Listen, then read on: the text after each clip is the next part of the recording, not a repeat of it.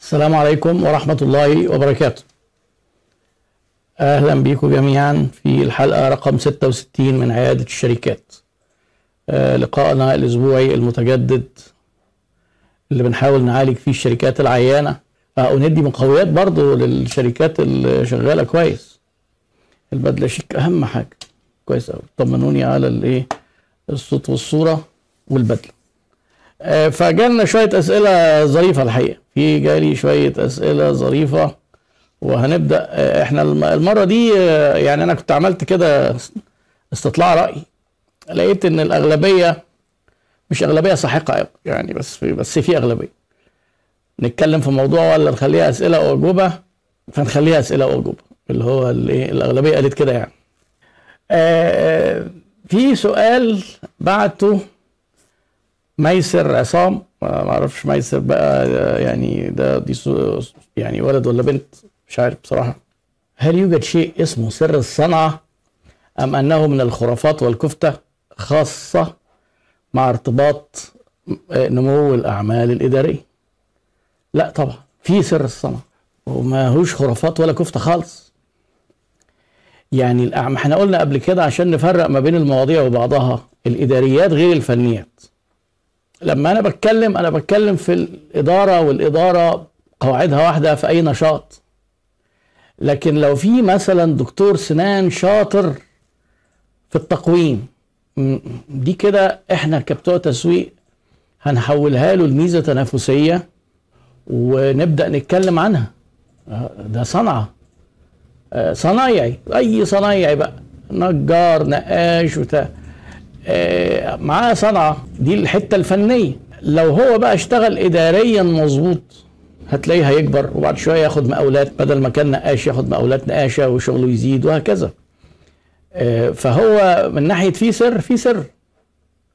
يعني هل أي مثلا جراح يقدر يقوم جاي يقول أنا جراح قلب؟ لا في صنعة. هل أي جراح قلب يعمل زراعة قلب؟ لا في صنعة في صنعة. الصنعة ودي بتبقى في حاجات بتحتاج آه، خبرة وتمرس سنين. العلوم الإدارية لا تغني عنها. يعني أنا علشان آه، أدير مصنع ملابس أو مطعم دي حاجة ودي حاجة كفنيات كإدارة اوبريشنز قواعد واحدة تقريبا يعني. بس إزاي أنا اطلع اكلة معينة بطعم ما أعرفش إيه وان أنا واخد تدريب واخد شيف رايح فرنسا اتعلم وجه ولا كان شغال في اوتيل و... دي حاجة مختلفة عن ان واحد هيروح على اليوتيوب يحاول يغش الحاجة ويعملها. عمرها ما هتبقى آه، خبرة آه، السنين. من ناحية في سر صنعه في سر صنعه لا وما فيش آه، وما فيش حاجة اسمها إن سر الصنعة ده كفتة. لا خالص. بس لما الاتنين بقى ما أنا بقول لك البيزنس بيقف على رجلين. الإداريات والفنيات. الفنيات موجودة كويس. من غير الإداريات هيبقى في مشاكل. إداريات موجودة فنيات ضعيفة في مشاكل. لما الاتنين يبقوا أقوياء بيطلعوا حاجات جميلة جدا. يعني وأنا يحضرني مثال دلوقتي بصراحة آه، آه، في في صفحة آه، لمصممة أزياء روسية عايشة في مصر. الحقيقة الصفحة بتاعتها دي أنا آه، بقول لأي حد عايز يتعلم social media marketing و content marketing يدخل يتعلم منها. الصفحة دي مدرسة. هي مصممة أزياء وكانت جاية من روسيا من حوالي 20 سنة متعلمة ومتخرجة من ودارسة وعندها خبرة. أهي الصنعة أهي. بس المحتوى بقى اللي بيتكتب للمصريين آه، هي وال- والفريق اللي معاها حقيقي شيء مبهر. سبب النجاح إيه؟ الاتنين. إن في براندنج اتعمل على الصفحة بشكل استثنائي أنا ما أعتقدش إن في حد في مصر بيعمل المستوى ده. الحقيقة يعني وأنا يعني ده مش مجاملة للناس لأن أنا أعرفهم شخصيا. لكن اللي بيتعمل على صفحتها شيء استثنائي كمحتوى وهي استثنائية جدا كصنعة. خلاص يبقى مزيج بقى صعب جدا منافسته. يعني بيبقى النجاح وقتها شبه مضمون يعني. ما فيش حاجة مضمونة في ال business بس بيبقى النجاح سهل. ده كده إيه؟ آه آه form جوجل بتاع الأسئلة فين؟ حط لنا form جوجل كده لو سمحت مرزوق من من هيئه الشركات عشان اللي عايز يحط عليه سؤال دلوقتي. ممكن. وممكن تحط سؤال هنا بقى وخلاص ما إحنا ال form بنحاول ننظم بس أستأذنكم اللي عايز يحط سؤال هنا يعني يحط مرة واحدة وحاول بقى مرزوق هيتعب شوية معانا ويحاول يلقطه يعني. أو لو حد فيكم يبعته المرزوق مباشر. لأن ال timeline ال chat بيتدمر. في سؤال تاني مهم وجميل. هي الأسئلة كلها بصراحة عجبتني. آه، محمد بيقول اسم الشركة سفينكس فارما بلس ده اسم مناسب ولا مش مناسب؟ حسب قواعد الأسماء الاسم ده آه، ياخد درجة ضعيفة جدا. ليه؟ ثلاث كلمات. سفينكس فارما بلس اولا كلمة فارما يعني دي يعني إيه؟ حتة generic شركة أدوية اسمها فار اسمها سفينكس للأدوية. فارما يعني أدوية. ما تحطهاش بقى. يعني وحتى هتلاقي العملاء هي هيشطبوها. أعتقد أنا ما دام أنت اتزنقت وحطيت بلس يبقى في شركة اسمها سفينكس فارما وأنت يعني يمكن بتتمحك فيهم. وأنصحك بلاش. بلاش كلمة اسم الشركة يبقى ثلاث كلمات وبلاش تبقى شبه حد. ما اتزنقتش يعني على سفينكس يعني. لو كانت سفينكس موجودة. لو مش موجودة طب ما خلاص تبقى سفينكس وما تبقاش حتى سفينكس فارما تبقى سفينكس كده وخلاص. يعني هي طبعا لو انت هتعمل شركة أموال بيشترط إن انت تحط النشاط.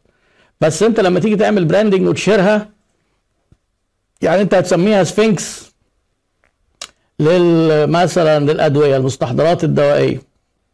إن هم لما تيجي انت تعمل branding لا هتقوم انت شايل كلمة للمستحضرات الدوائية دي أو الادويه يبقى اسمها سفينكس وخلاص. سؤال كمان. عاوز أفتح مشروع مطعم بيتزا وخايف من الخسارة. ينفع أول ما أفتح أطبق نظام الإدارة في الشركة ولا لازم أبدأ ولا أبدأ بدون إدارة الأول؟ طب ليه؟ ليه تبدأ بدون إدارة؟ ما هي الإدارة هي إيه؟ إحنا قلنا الأربع إدارات يبقى عندك حسابات. لا ما تبدأش من غير حسابات. تسويق. ده انت محتاج تسويق جدا في البداية. ما ينفعش تبدأ من غير الكلام ده. تشغيل. هتبدأ إزاي من غير ما يبقى عندك إدارة تشغيل؟ يعني تقلل التكلفة تحسن الجودة تزود تقلل ال... الوقت عشان العملاء ما تتضايقش. ما ينفعش. لا ده انت من أول يوم لازم سعادتك تبقى تبدأ بالإدارة والإدارة مش معوق ولا حاجة. ده يعني ليه تستغنى عنها في البداية؟ يعني عشان تبقى خفيف كده وتتحرك لأنها عبء. لا بالعكس. طيب آه آه إحنا مش معانا أسئلة كتير على فكرة لأن الظاهر مش ناس كتير اللي شافت الأسئلة. فأما نخلصها هنبدا ناخد من الأسئلة اللي موجودة. أوكي؟ ونستأذنكم ما تكررهاش كتير. وأنت بقى مرزوق تسكرول كده وتطلع لنا الأسئلة وتبعتها لي. محمد القاضي يقدم دورات طبية مجانية. وأعلم أن الأطباء في تخصصي لن يدفعوا شيئا. طب ليه التعميم ده؟ ليه يعني؟ ولكن ممكن واحد آه طيب كويس آه واحد في المية فقط اللي ممكن يشتركوا. أوكي مفيش مشكلة. واحد في المية. مع إن يعني النسب المئوية دي ممكن تبقى إيه محتاجة خبرة ودراسة معينة. يعني تبقى عملتها قبل كده على عينة ولقيت إن 1% بيشتروا. هل أستمر مجانا وأكتفي بالمكاسب المعنوية ده ولا أشتغل على 1% دول؟ وإزاي مع العلم إن ليا فترة طويلة شغال مجانا ومشهور جدا في المجال الحمد لله. طيب وكويس. هنا أنا محتاج أسألك لو الأخ محمد القاضي حاضر معانا. أنت طبيب نشرك لمحتوى الأطباء اللي بيخليك تتشهر في المجال مش بيعود عليك بفايدة تانية آه إن أطباء مثلا تحول لك حالات؟ أكيد بيعود. إنك أنت بقيت مشهور في تخصصك وإن العيانين بقوا بيقولوا لبعض ما أنت كده يبقى أكيد بيعود برضه. مش لازم وأنت بتشرح آه أنت كده أنت بتأدي كذا خدمة. أنت عندك الخدمة الطبية العلاجية لو أنت طبيب بتعالج مرضى وبالخدمه التعليمية لو أنت بتعلم الدكاترة. أنت بقى تحدد وتشوف أنت عايز دخلك الأساسي يبقى جاي منين. في كل الأحوال الفيديوهات دي هتفيدك المجانية دي. وفي كل الأحوال العطاء بيدفع إلى عطاء من الطرف الآخر. حتى لو كان الأمور هيبقى واحد في المية اتنين في المية. ماشي أوكي. لو أنت بقى زودت المية دي قوي الواحد ده هيبقى رقم كويس. ف يعني ما تتوقفش عن العطاء المجاني هيفيدك مؤكد 100% ما وما تقلقش إنك تديه. وما تحاولش حتى إنك تديه للناس بنية إن هم يشتروا ما اشتروش يبقى تزهق وتبطل. لأ. لا انت برضه مأجور على دي. يعني دي حاجة تانية كده بينك وبين ربنا بقى. فلا تتوقف عن العطاء وخليك مؤمن بعقلية الوفرة وإن أنت على قد ما هتدي على قد ما هي إيه هيعود عليك. سؤال آخر. آه الحتة دي بقى جالي عليها شوية أسئلة كتير جدا بعد محاضرة أخلاقيات ال business أو بعد ال live اتكلمنا فيها الموضوع ده. في جزئية مست وتر حساس عند ناس كتير. أسامة بيسأل نحتاج شرح زيادة بخصوص أخلاقيات ال business والتبليغ عن الخطأ أو التبليغ عن أخطاء الموظفين. هل ترى أن نبلغ عن كل خطأ؟ هذا صحيح. هل لو قلت إن ده بيشوف ماتشات وقت الشغل بيزوغ كل يوم ساعة وده بيعمل وده وده هل ده صح؟ كويس. إحنا قلنا المرة اللي فاتت إيه؟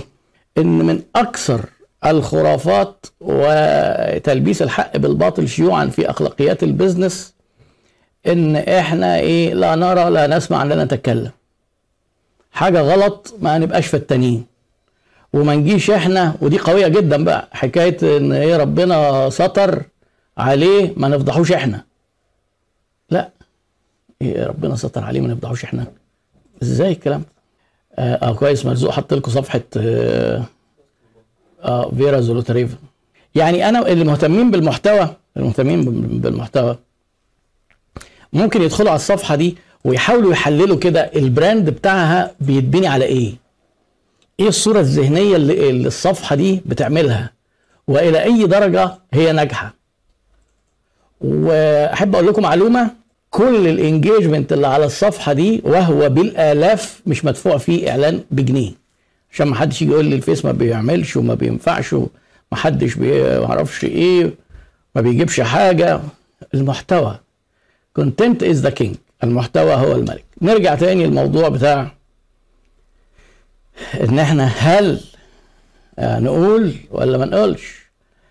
الساكت عن الحق شيطان اخرس ما هو مش أنتوا قاعدين تقولوا بقى ربنا بيستر عليه؟ ما هو ده الدين برضه. ولا, ولا ده إحنا جايبينه من دين تاني؟ وده دين بوذي؟ لا طبعا. طيب الأخطاء اللي إحنا قلنا بقى إيه؟ يقول لك إيه؟ الفتنة أشد من القتل وربنا ستر عليه ودي غيبة اللي ما أعرفش إيه وايه اللي قطع العيش. خمس ست حاجات كده بتتقال علشان خليك في حالك. لو كان خطأ صغير أنا أنصحك في البداية تحاول تكلم المخطئ. أخطاء يعني أنت حاسس إن هو إنسان كويس بس إحنا في ساعات إيه يعني بيتوه مننا شوية المعايير والأخلاق وفي زنقة الحياة كده ما بنركزش قوي يعني. فما يديش الشغل حقه يقعد يلعب جيمز بتاع حاجات دي تعتبر يعني إهمال في الوقت ممكن تلفت نظره. بنصيحة كمان بدون تهكم وتعالي وتنمر بذوق وبذوق وبأخلاق لأن أنت هدفك إنك أنت عايز تصحح خطأ. فأنت تبلغه الأول. ما كانش واجب إن أنت تبلغ الإدارة. ما تجيش تقول لي ده فتنة. ما أعرفش جبتوا منين كلمة فتنة دي. مش عارف أنا يعني. وبعدين وعصفوره إيه عصفورة يعني؟ يعني نشوف كده غلط في مكان إحنا المفروض شغالين فيه في مركب واحدة وواحد قاعد بيبوظ في المركب ونسكت؟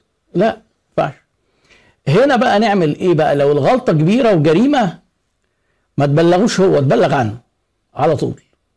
لأن أنت لو واحد بيسرق مثلا هتروح تقول له ما فيش داعي تسرق. ده أنا شفتك بتختلس. ده أنا عرفت إن خدت من المخزن بضاعة وكراتين وشفتك بالليل بتحطها في العربية. وما ينفعش الكلام ده. و...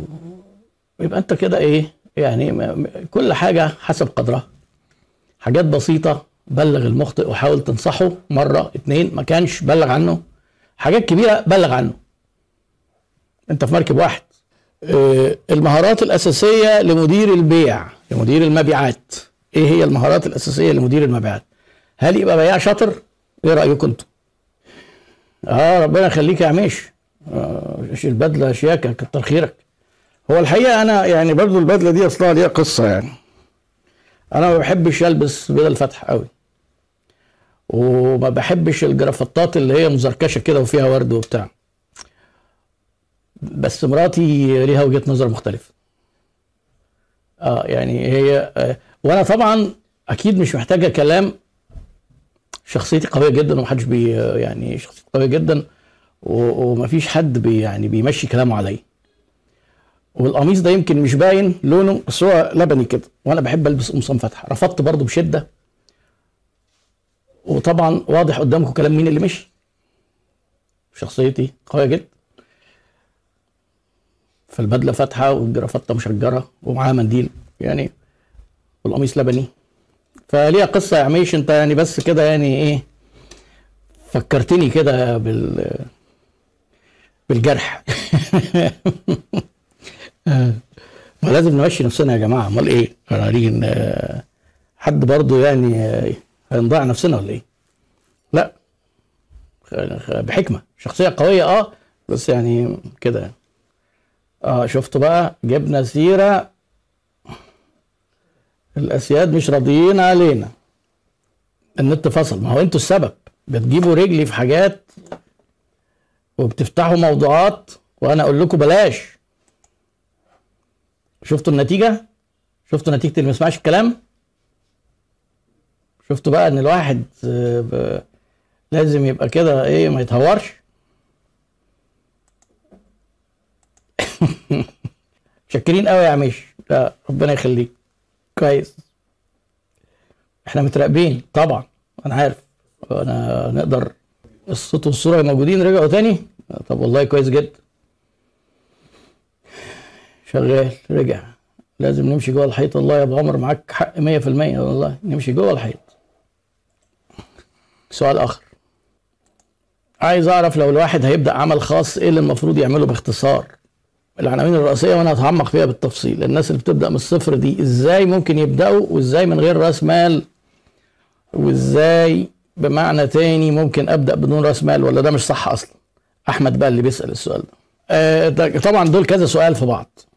أول حاجة حضرتك لما تيجي تعمل business لازم تستقر على business model وال business model أحد طرقه هي حاجة اسمها business model canvas بياخدوها فيها كورسات وبتاع اللي هي التسع مربعات دي اللي بيقعدوا يعني يدوا للناس يدرسوهم إزاي يعمل business model ناجح. أنا هبسط لكم ال business model ده جدا. أنا عايز أعرف أنت هتشتغل إيه؟ هتفرق إيه عن اللي شغال نفس الشغلانة؟ هتدخل فلوس منين؟ هتصرف فين؟ ببساطة كده. ومن ضمن اللي هتدخل الفلوس اللي هتصرفها المصاريف وانت داخل ال business. تكلفة الدخول مكان تشطيب إيجار لو في مكان إنتاج حاجات زي كده. business model الأول. دي أول حاجة. طيب هل ينفع نبدأ من غير رأس مال؟ في بعض أنشطة ممكن.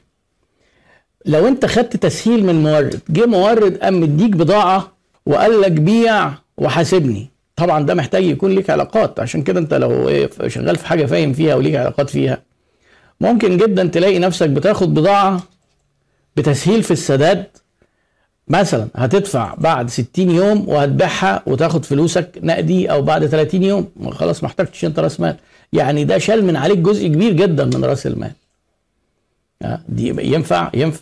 لو انت هتدخل في خدمة معتمدة عليك وعلى تفكيرك حاجة زي graphic design programming هتعمل مواقع للناس تاخد فلوسك وتعمل الموقع اللي هو تكلفته عليك مجرد وقتك. وممكن فلوسك الجزء الأولاني ده اللي هو جزء من فلوسك يعني. إيه، ممكن يبقى مغطي وقتك ومكسبك وبعدين تاخد بقية الفلوس. ففي يعني ما فيش حاجة اسمها إيه؟ إن ينفع نبدأ أي business من غير رأس مال. لا طبعا مش أي business في بعض أحيان ينفع. في بعض خدمات ممكن بتسهيلات من الموردين ممكن. عشان كده المورد علاقتك بيه مش علاقة إن هو يورد لك بس حاجة كويسة ومنتج كويس بس. لا سعره إيه وتسهيلاته إيه. دي مهمة جدا لأن ده لوحده يتحول إلى رأس مال وفلوس. فإجابة على سؤالك باختصار تبدأ تعرف البيزنس موديل بتاعك وتبدأ تعرف آه انت إزاي ممكن إيه الأنشطة اللي ممكن بتبقى بدون رأس مال. آه كان في سؤال قبل ما النت تقطع إحنا بدأنا فيه وبعدين فعلا آه، اللي هو المهارات الأساسية لمدير المبيعات وهل هو مدير المبيعات مثلا؟ سؤال يعني. ده أنا من عندي بقى مش هو اللي بيسأل. هل هي مهارات البياع زي مهارات مدير المبيعات؟ هل مثلا مدير المبيعات ده محتاج يبقى بياع شاطر ولا مش محتاج؟ لا مش محتاج. مهارات مدير البيع غير مهارات البياع البائع غير مدير المبيعات وعلى فكرة أنا ببقى قاصد أقول بياع وقاصد إن أنت كبياع تتعود على إن أنت تقول عن نفسك وبدون خجل إن أنت بياع. ما هي بياع هي بائع يعني. يعني ما هي رق... رقاصة هي راقصه يعني الرقاصة دي بقت يعني مهنة بشرف يعني والرقاصة هي اللي عيب الاثنين عيب. البيع مهنة أخلاقية ومشرفة لأي حد سواء اتقال عليه بياع بائع تنفيذي تسويق آه، ما أعرفش حساب إيه استشاري إيه. كل دي أسامي معناها إن إحنا عندنا مرض ومستعرين من كلمة بياع. لا ما تستعرش. أنت هداف. أيوه أنا بياع وأفتخر. جميل صح. لازم تحب إنك أنت تقول عن نفسك بياع. أهلا وسهلا معك. إيهاب مسلم بياع. أهلا وسهلا. وأنا قلت لكم قبل كده أنا سبت الجراحه لأن بحب البيع وبحب أقول عن نفسي بياع وما زلت دلوقتي احب أقول لكم حاجة يعني أنا في علاقتي ببعض الانشطه وبعض الناس آه، أحيانا كده متخفيا علشان البيع وحشني وأنا ما بعرفش ابيع دلوقتي ما بعرفش اقف مع حد ابيع. ف بقول لهم سيبوني كده إيه مثلا إيه اكلم العميل سيبوني امسك الصفحه دي شوية اكلم عملاء سيبوني اخد المكالمات دي. وابقى مستمتع جدا وأنا بكلم عملاء وببيع لهم. يعني لو حد عنده فيكم بيعة تقيلة يبعت لي وأنا اكلم الناس أه وابيع لهم من أنا عندكم في الشركة يعني. بس طبعا هاخد كل الفلوس وعليها زيادة شوية. يعني ما باخدش أنا commission باخد الفلوس كلها. فهي مهنة ممتعة جدا والتواصل في البيع والإقناع من أمتع الحاجات. آه المدير بقى مدير البيع لازم يكون عنده مهارات إدارية. مهارات قيادة قائد فريق. الفرق ما بين البياع والمدير إن البياع تنافسي مع البياعين عايز يبقى أحسن بياع. أما مدير البيع عايز الفريق بتاعه كله يبقى ناجح وما يتنافسش معاهم. لو بدأ هو يبيع ويتنافس مع بياعينه يبقى هو شغال كده بروحين وواحدة منهم عكس الثانية ما ينفعش. لازم يبقى قائد ومدير ويبقى بيحفز الناس إن هم يبيعوا. والمفروض ما يبقالوش account وما يبقالوش كود على system إن هو ياخد بيعة والبياعين ياخدوا بيعة. المفروض ما يبقالوش خالص. وإلا هو كده هيبقى منافسة غير عادلة.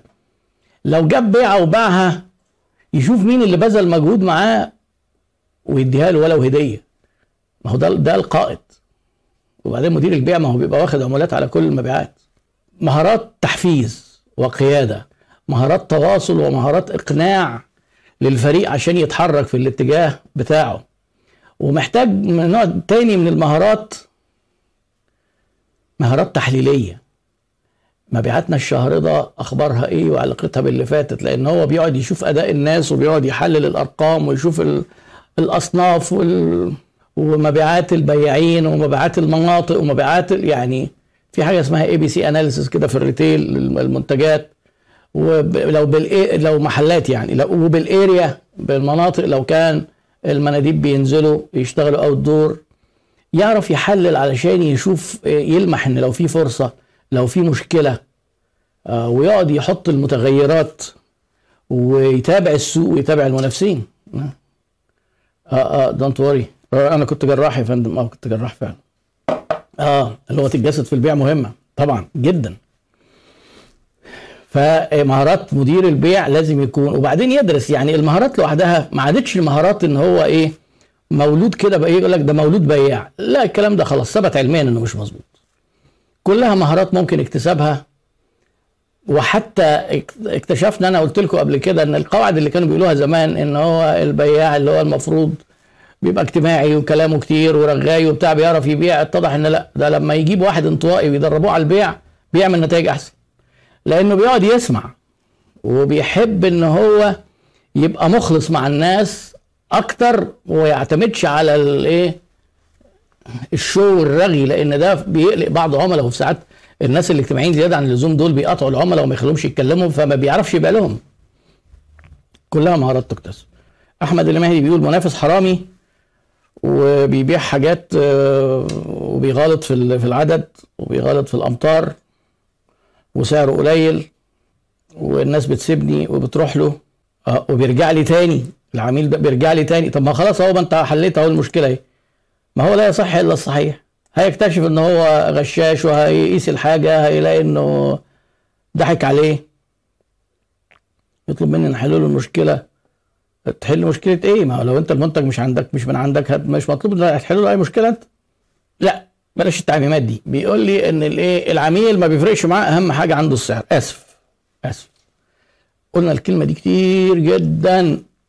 ما فيش حاجة إن كل الناس زي بعض بيهمهم السعر. ابدا. بالعكس لا. في شرايح ما يهمهاش السعر خالص.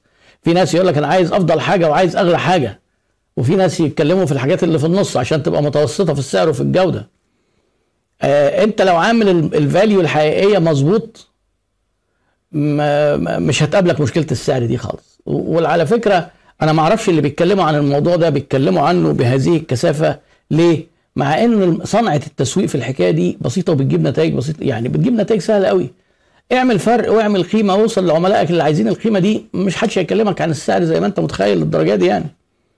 يعني اعتراضات السعر مش بالشكل اللي, اللي كل الناس بيتكلموا عليه. ما دام بتتكلم على السعر بس يبقى أنت مش مدي قيمة ومش عارف تسويق. خلاص.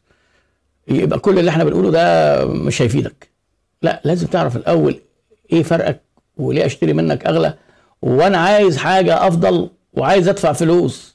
ما تجيش أنت تقول لي بقى إحنا سعرنا أقل سعرنا أقل. لا أنا واحد من الناس ممكن أهرب. خلاص مش هتعامل معاك ولا مع اللي أرخص منك. آه طيب أنا أعتقد كده إحنا خدنا كل الأسئلة. آه لا لسه في سؤال. سلوى غازي بتقول محتارة بين مسارين مهني مهنيين.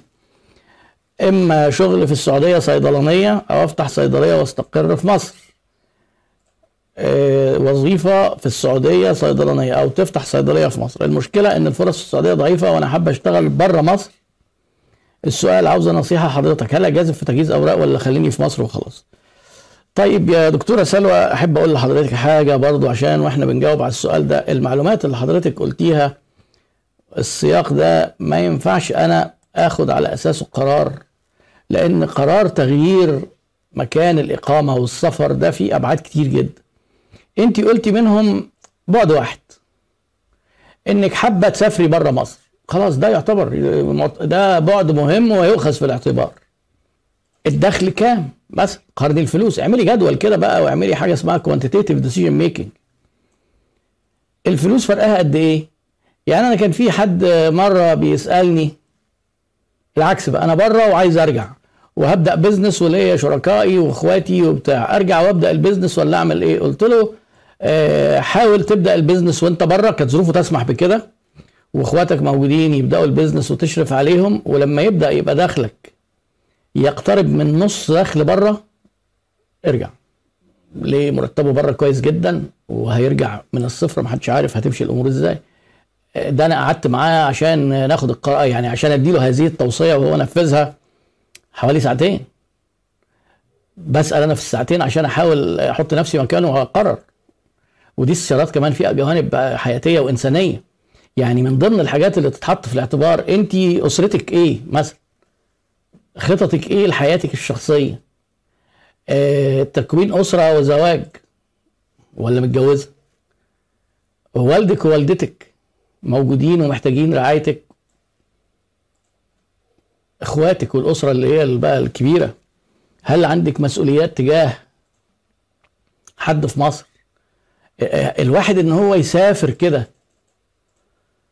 ويبقى بيقارن ما بين هنا وهنا لمجرد مثلا إيه السعودية بكذا وهنا بكذا بس لا ده في حاجات كتير جدا في, في يعني أنا في حد من اصدقائي المقربين جدا كنا قاعدين بندردش وجاي له هجرة يعني الدولة محترمة قوي خلاص.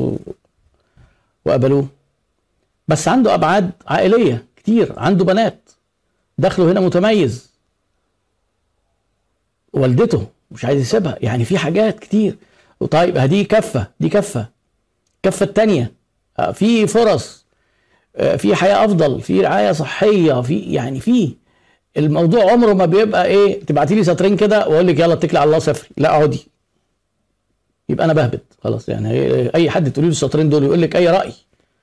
لا محتاج تفكير وتأني لأن دي قرارات حياتية مصيرية.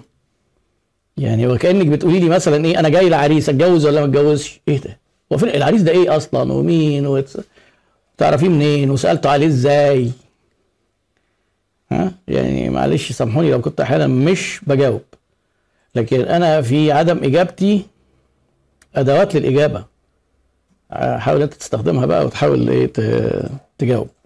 طيب آه في أسئلة مرزوق بعت لنا حاجة؟ ده مرزوق بعت حاجات كتير.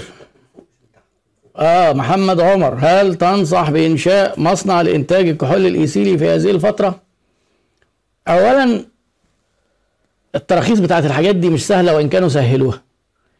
ثانيا اعمل حساب إن المصنع ده لو أنت هتشتري له هتشتري له أصول ومكن وحاجات ما تشتغلش غير كحول إيثيلي إن بعد هذه الأزمة بتاعه كورونا آه، والطلب هيرجع يقل تاني ويرجع لل baseline آه، فكر هتعمل إيه.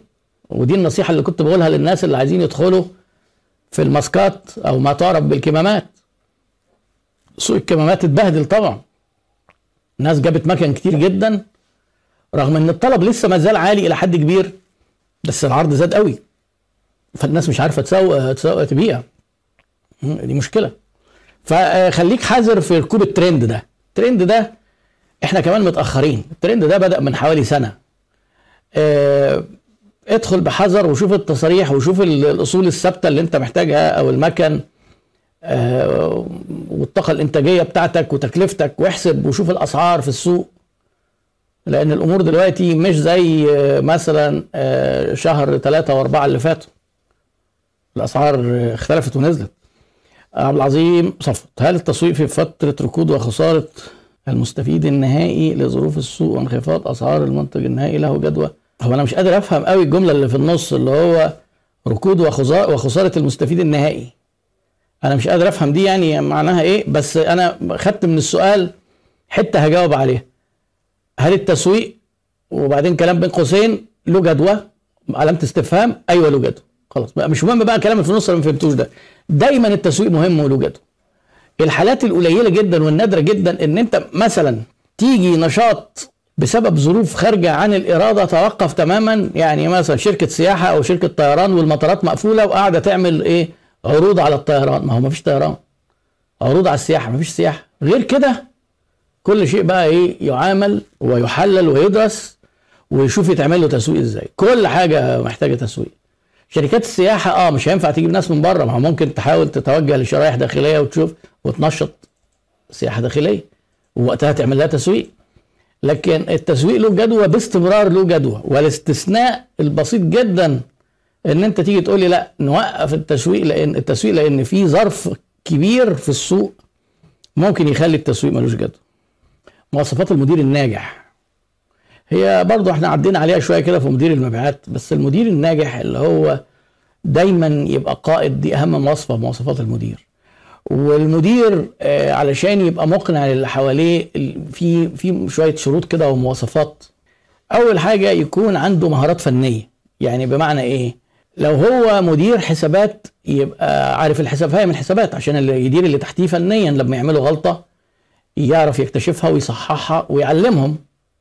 ما ينفعش يبقى مدير قسم فني بيعمل حاجة فيها مهارة معينة ماهوش فاهم واللي تحتيه فاهمين أكتر منه مش هيعرف يديرها شيف بقى مدير في المطبخ وما يفهمش حاجة في الطبيخ مثلا يعني. مدير مصنع ملابس ما يفهمش حاجة في الملابس مهارات فنية. ولازم المدير يكون عنده أهم نوع من المهارات الإنس... مهارات اسمها مهارات إنسانية عشان هو بيدير بشر. يفهم الناس ويفهم إزاي يحفزهم ويعرف إن البشر مش مختلفين عن بعض مش كل الناس بتتحفز بنفس الطريقة. واحد تكفيه كلمة شكر واحد ما يقتنعش غير بفلوس ومكافآت أه؟ آه الناس مختلفة عن بعضها. مهارات الإنسانية ويفهم ظروف الناس لأن إحنا بنتعامل مع بشر مش مش أجهزة كمبيوتر. الإنسان وحدة متكاملة. لو الإنسان خارج الشغل ظروفه فيها مشاكل أداؤه في الشغل هيبقى فيه مشاكل. آه، يعني مهارات الإنسانية بقى اللي هي مهارات التواصل والقيادة والتفهم والتعاطف حاجات كتير. وبعدين المدير لازم يبقى عنده مفهومية لازم يبقى حلال العقد لازم الناس اللي تحتيه لما يقعدوا يغلبوا في حاجة يطلعوا له يقوم حللها لهم. كده بيبقى مدير قوي ومقنع. المدير اللي عنده الثلاث أنواع من المهارات دي هيبقى مدير ناجح. بيعلم الناس ولما يحصل مشكلة يروحوا له ولمم الناس حواليه ومهارات الإنسانية وفي حتة المهارات الإنسانية طبعا القيادة أحد المهارات الإنسانية آه، اللي هو المدير اللي ينسب النجاح لمرؤوسيه. لما حد يجي يشكره يقول له لا يقول لهم لا ده أنا ما عملتش حاجة ده لولا الناس الشباب دول إحنا ما كناش عرفنا نعمل حاجة.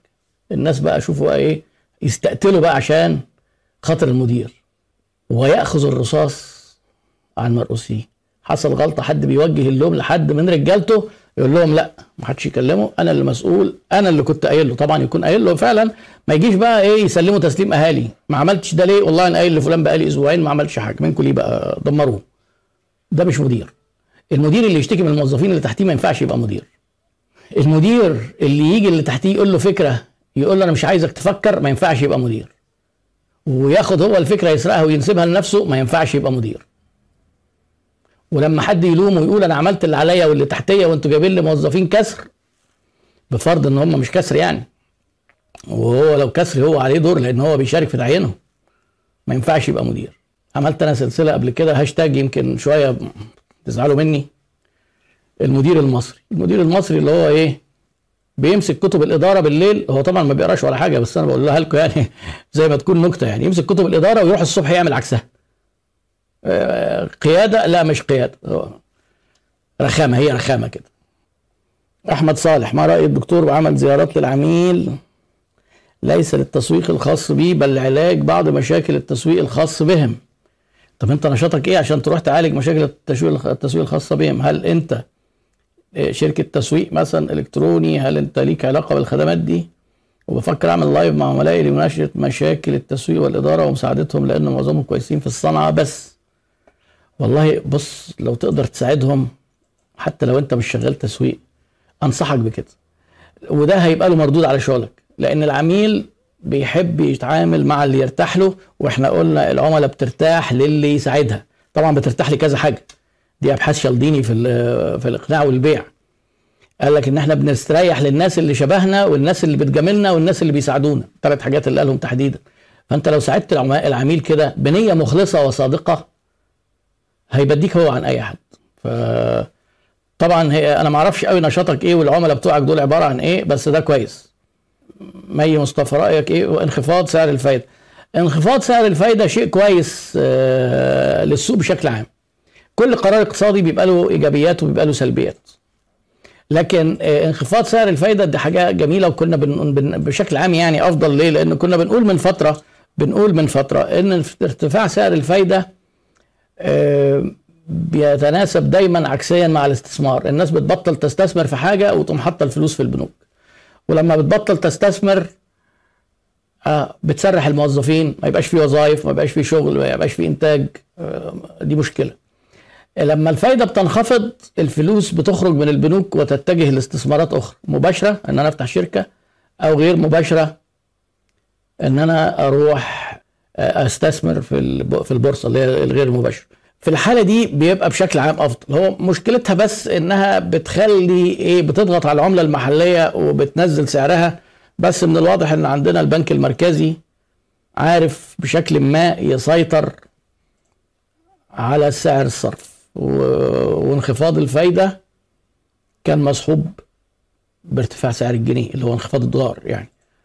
هي صحيح تعتبر شوية فيها يعني فزورة اقتصادية لكن ما دام ما حصلش مشكلة جميل يبقى أهلا بانخفاض سعر الفايدة. عبد الحميد ماذا يقول علم البزنس عن الفصال في البيع والشراء؟ أنت شريك في الفصال كبياع يعني. لما بتسمح بالفصال أنت شريك في الفصال. لما بتحط سعر وعامل حساب الفصال أنت شريك في الفصال. لما تيجي تقول لي أنا البتاعة دي أعرف أبيعها ب 50 بس بقول ب 150 عشان عارف إن الناس بتفاصل أنت شريك في الفصال. لما تبطل حضرتك تبقى شريك في الفصال الفصال هيبطل. ما تطلبش الناس. يعني إيه؟ هي أنت عايز تبيعها ب 50 تبقى ب 50 لا لا لا. تمشي ب 20 بابتسامة شديدة لا ما ينفعش. سعرنا نهائي. 50 ويا سلام لو تعلق السعر. يا سلام كده لو في وسط السوق اللي كل الناس فيه بتفاصل ده تقوم انت حاطط سعرك. سعر واحد ومكتوب. هتلاقي ما فيش فصال الناس بتفصل في كل حتة عندك مش هيفصلوا وأكد لك. الفصال ده فعل مشترك ما بين طرفين البائع والشاري والاثنين شركاء في هذه الممارسة. ما تسعرش أسعار فيها فصال ما تبيعش بسعرين ما يبقاش واحد لسه خارج شاري الحاجة ب 70 وتبيعها بعديه ب 50 وبعديها ب 30 وبعديها ب 120 سوق صغير والناس هتعرف. يقول لك لا ده ده انت تدي له يقول لك سعر. تقوم جاي إيه اسمع 10 خلاص ما هو انت اللي عاملها في نفسك اهو. وفي أسواق كده كتير طبعا. فما تكلمنيش على الفصال. أنا زي ما بقول لكم الموضوع بسيط جدا. لما انت بتحط سعر وتحط نها- نهائي خلاص. لما السعر تعلنه بقى كده في البوست وتحطه خلاص ما حدش يعرف يفاصل وفي شوية حاجات نفسية بتمنع الفصال إن أنت مثلا تيجي تقوم حاطط السعر وحاطط فيه كسور 167 جنيه ونص مثلا. مفيش فصال بقى خلاص. آه لو أنت كتبته كده زي أسعار التوحيد والنور. مع إن في ناس برضه بيوصل لها ب- بس نسبة اللي في بيفصلوا في التوحيد والنور قليلين جدا. آه يروحوا يشتروا نفس الحاجات دي من العتبه يفصلوا لأن هو سوق فصال هم البياعين مسعرين كده. وكالة البلح يقول لك المتر ب 200 جنيه والناس يشتروا ب 30 وبعد ما تشتري ب 30 يقول لك ده أنا اتضحك عليا. ده ب 100 ده ب 25 الناس جابته ب 25 محدش يكلمنا على الفصال وهو شريك في هذه الجريمة. وده من علامات عدم نضوج السوق على فكرة. تيجي الناس بيشتكوا من الفصال يسألوا نفسهم أنتوا بتعملوا إيه بقى؟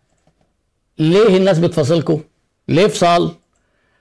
آه. طيب افرض انت ما بتعملش الكلام ده وحد فاصل. لا أسف. سعر نهائي حضرتك مش هنقدر. وجها لوجه في التليفون أو على الشات مش هنقدر يفهم خلاص. بسيطة جدا يعني الموضوع بسيط ما حدش يضربك على إيدك. طب ما هو موجود الكلام ده. أحمد رضوان هل مشروع شنط أدوات الحلاقة الكاملة؟ موجود الكلام ده وأنا عندي أدوات حلاقة كاملة وبنسى أخدها الحلاق وموجود من زمان. اللمواس اللي هي إيه الشيفنج كيت هيكون ناجح في مصر خصوصا بعد كورونا والجوء الكثير للحلاقه المنزلية. يعني ده مش آه، مش فكرة جديدة ولا حاجة وموجودة وممكن تشتغل فيها في وسط اللي شغالين ممكن يكون الطلب عليها زاد آه في كورونا. آه، تدرسه زي أي حاجة. وكون إن هو موجود على فكرة يطمنك أكتر إن ما يكونش إن هو تيجي تقول إيه لا ده ما آه، فكرة جديدة ومحدش عملها يعني ممكن يبقى لها فرصة برضه. آه ما ال MBA ده اتكلمنا عنه كتير إسلام زكريا. إمتى أقرر إن لازم آخد MBA تفرق بقى كتير. عايز ال MBA ليه؟ الدراسة في ال business هي دايما وسيلة وليست هدف. ما هي مش. يعني مش هدف كده إن أنت يبقى معاك MBA وتكتبها في الكارت وتعلقها على الحيط. ليه بقى عايزها؟ ليه؟ عايز إيه بتتوظف في وظيفة أفضل؟ ممكن ده أحد الأهداف. عايز تفهم business أكتر؟ ممكن. بس تفهم business ليه؟ هل بتدير ال business بتاعك؟ وعندك business ولا هل انت موظف وعايز تفتح business فعايز آه، يعني إيه تبدأه من غير كفتة؟ يبقى ما فيش حاجة اسمها الوقت المناسب. تعرف انت عايزها ليه؟ وبعدين الفلوس. ال MBA في مصر اللي هو ب 7000 جنيه و8000 و10000 دي شوية كورسات وكلام فارغ. لا يسمن ولا يغني من جوع أنا لا لا أقتنع اطلاقا بإن يبقى في ام بي اي ام بي اي دي يعني دراسة سنتين بتاخد فيهم مش أقل من 16 مادة وبتعمل بحث. علشان يجي حد يقول لك تعالى اما أديك MBA ب 8000 جنيه. لا. قول له مش هاجي. طيب ال MBA أسعاره إيه؟ حد لو حد فيكم تابع أسعار ال MBA في العالم يعني إحنا مصر طبعا من أرخص الدول بس طبعا أقل الدول في الجودة. ال MBA نتيجته عشان برضو الموضوع ده ناس كتير بتسأل جدا عنه. وأنا يعني بشكل شبه يومي برد على أسئلة في ال MBA بقى سواء بقى على الصفحة أو كده. ن- آه، استفادتك من ال MBA اللي هي Master of Business Administration وبتتكتب بال B الخفيفة آه، اللي هي بكرشين دي عشان ناس كتير بزعل قوي بيكتبوا لي MPA بال P التقيله اللي هي P for pen ال MBA استفادتك بيعتمد على المحاضرين اللي هيدوك بيدرسوك وهيدرسوك إزاي؟ وعلى مجهودك وجديتك. آه، يأتي بعد كده بقى المكان وهو لو المكان كويس هيبقى مهتم بالمحاضرين وبيدرسوا إزاي. في على مستوى العالم حاجات top كده top ranked كده يقول لك أفضل جامعات أفضل 10 جامعات في العالم آه، بتدي MBA طبعا هتلاقي من ضمنهم Harvard Business School ومن ضمنهم London School of Business London School of Business بس آه، آه، التكلفة كام في هارفارد وهم selective ومش أي حد بيقدم بياخدوه. أكتر من 200 ألف دولار في السنتين. يعني أنت بتتكلم فوق ال 3 مليون جنيه. استثمار ضخم بس له عائد واللي يروح هارفارد ويدرس هناك معرفش أخبار الكورونا إيه. وهيستثمر في نفسه 3 مليون جنيه ده مش أي حد آه، ولازم يكون عنده القدرة المادية وهيبقى من ضمن الفوائد بتاعته إن اللي بياخدوا معاه ال MBA دي هتبقى network وشبكة علاقات لأن ال MBA graduates دول بتوع هارفارد وال top والكليات ال top دي دول بيديروا العالم بعد كده. دول بتلاقيهم ماسكين رؤساء مجالس إدارات شركات اللي هي الشركات القويه جدا. يعني بتتكلم في إيه؟ 3 مليون. وأنا بكلمك هنا ناس بيقول لك 7 أو 8000 وعرض وتعالى وبتاع. آه، الأكاديمية العربية عاملة MBA وعاملة خصومات. آه، أنا طبعا يعني هتكلم بشكل موضوعي من اللي سمعته. مؤخرا الموضوع بقى اونلاين وخدوا ناس كتير والجودة ناس كتير قوي بيشتكوا إن الجودة انحدرت. آه، بالخصومات بتوصل 50 60 ألف. الجامعات ال- الحكومية أقل من كده 30 40 ألف ال MBA كلها. آه، قد تكون أفضل حاجة في مصر الاي يو سي والاي يو سي برضه بمبلغ كبير يعني آه، أعتقد هتزيد عن نص مليون جنيه. فيعني إيه موضوع ال MBA إن أنا إمتى جزء من القرار معاك كام؟ وعايزها ليه؟ ماشي يا إسلام. آه آه، محمد محي ما هي استخدامات PMP Project Management Professional لغير المهندسين؟ هي مش شرط يبقى مهندس على فكرة. أي حد شغال في project management هيفيده. أي business قايم على ال projects هيفيده. ال project اللي هو المشروع المشروع شيء له بداية ونهاية وبيدينا مخرجات مختلفة. ال software ليها PMP وليهم حاجة كده مخصوصة بيهم. آه، طبعا المقاولات ليها PMP لما أنت هتيجي تكون شغال في business وليكن مثلا بتعمل اسطمبات كل اسطمبة project هتفيدك ال PMP يعني أي حد ال business بتاعه فيه projects هو بيساهم في إدارة مشروعات مش لازم يبقى مهندس. ممكن شهادة ال PMP دي تفيده. وعلى فكرة ال MBA برضه في ناس فاهمة خطأ إن اللي هو ال Master of Business Administration ناس كتير بيبعتوا لي يقولوا لي طب أنا مش خريج تجارة. مش مهم خالص تبقى خريج تجارة.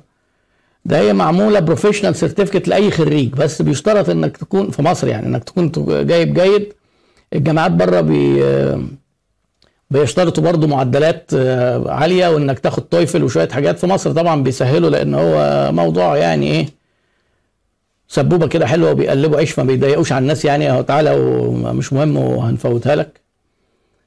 فال آه، مش لازم تبقى خريج business خالص عشان تاخد MBA وما انصحش حد لسه متخرج يروح ياخد MBA خالص.